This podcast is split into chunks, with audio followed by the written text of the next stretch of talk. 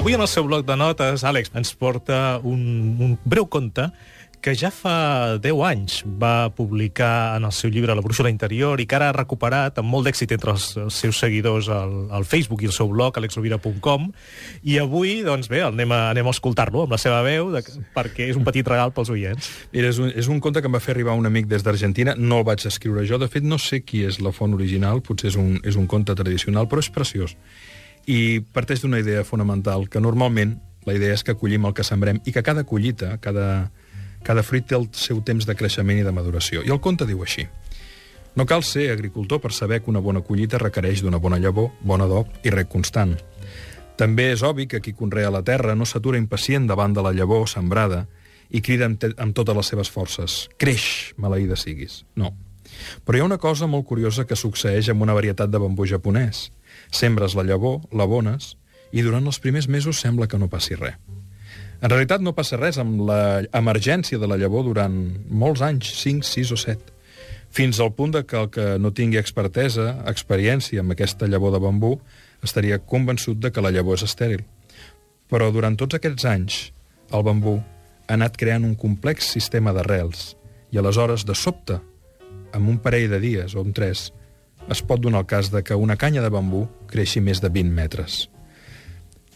Triga tres dies en créixer? No. La veritat és que es pren molts anys per preparar el creixement i només dos o tres dies per desenvolupar-se.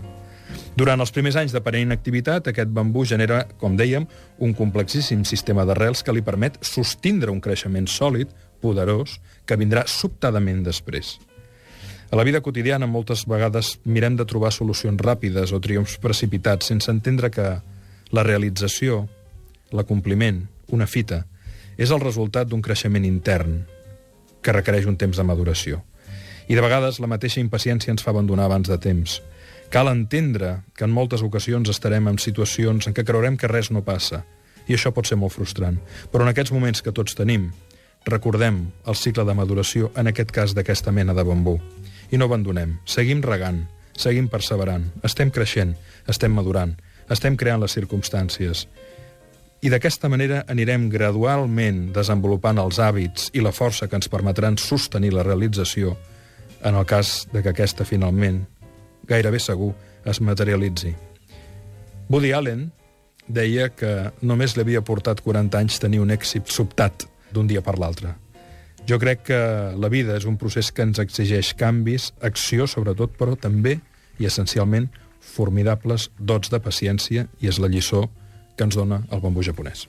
Àlex Rovira, a l'Ofici de Viure de Catalunya Ràdio, els oients que ho vulguin poden recuperar moltíssimes seccions eh, endarrerides, totes elles intemporals, eh, d'altres anys, d'altres temporades, a catradio.cat. Moltes gràcies, Àlex. Una abraçada i un plaer, com sempre.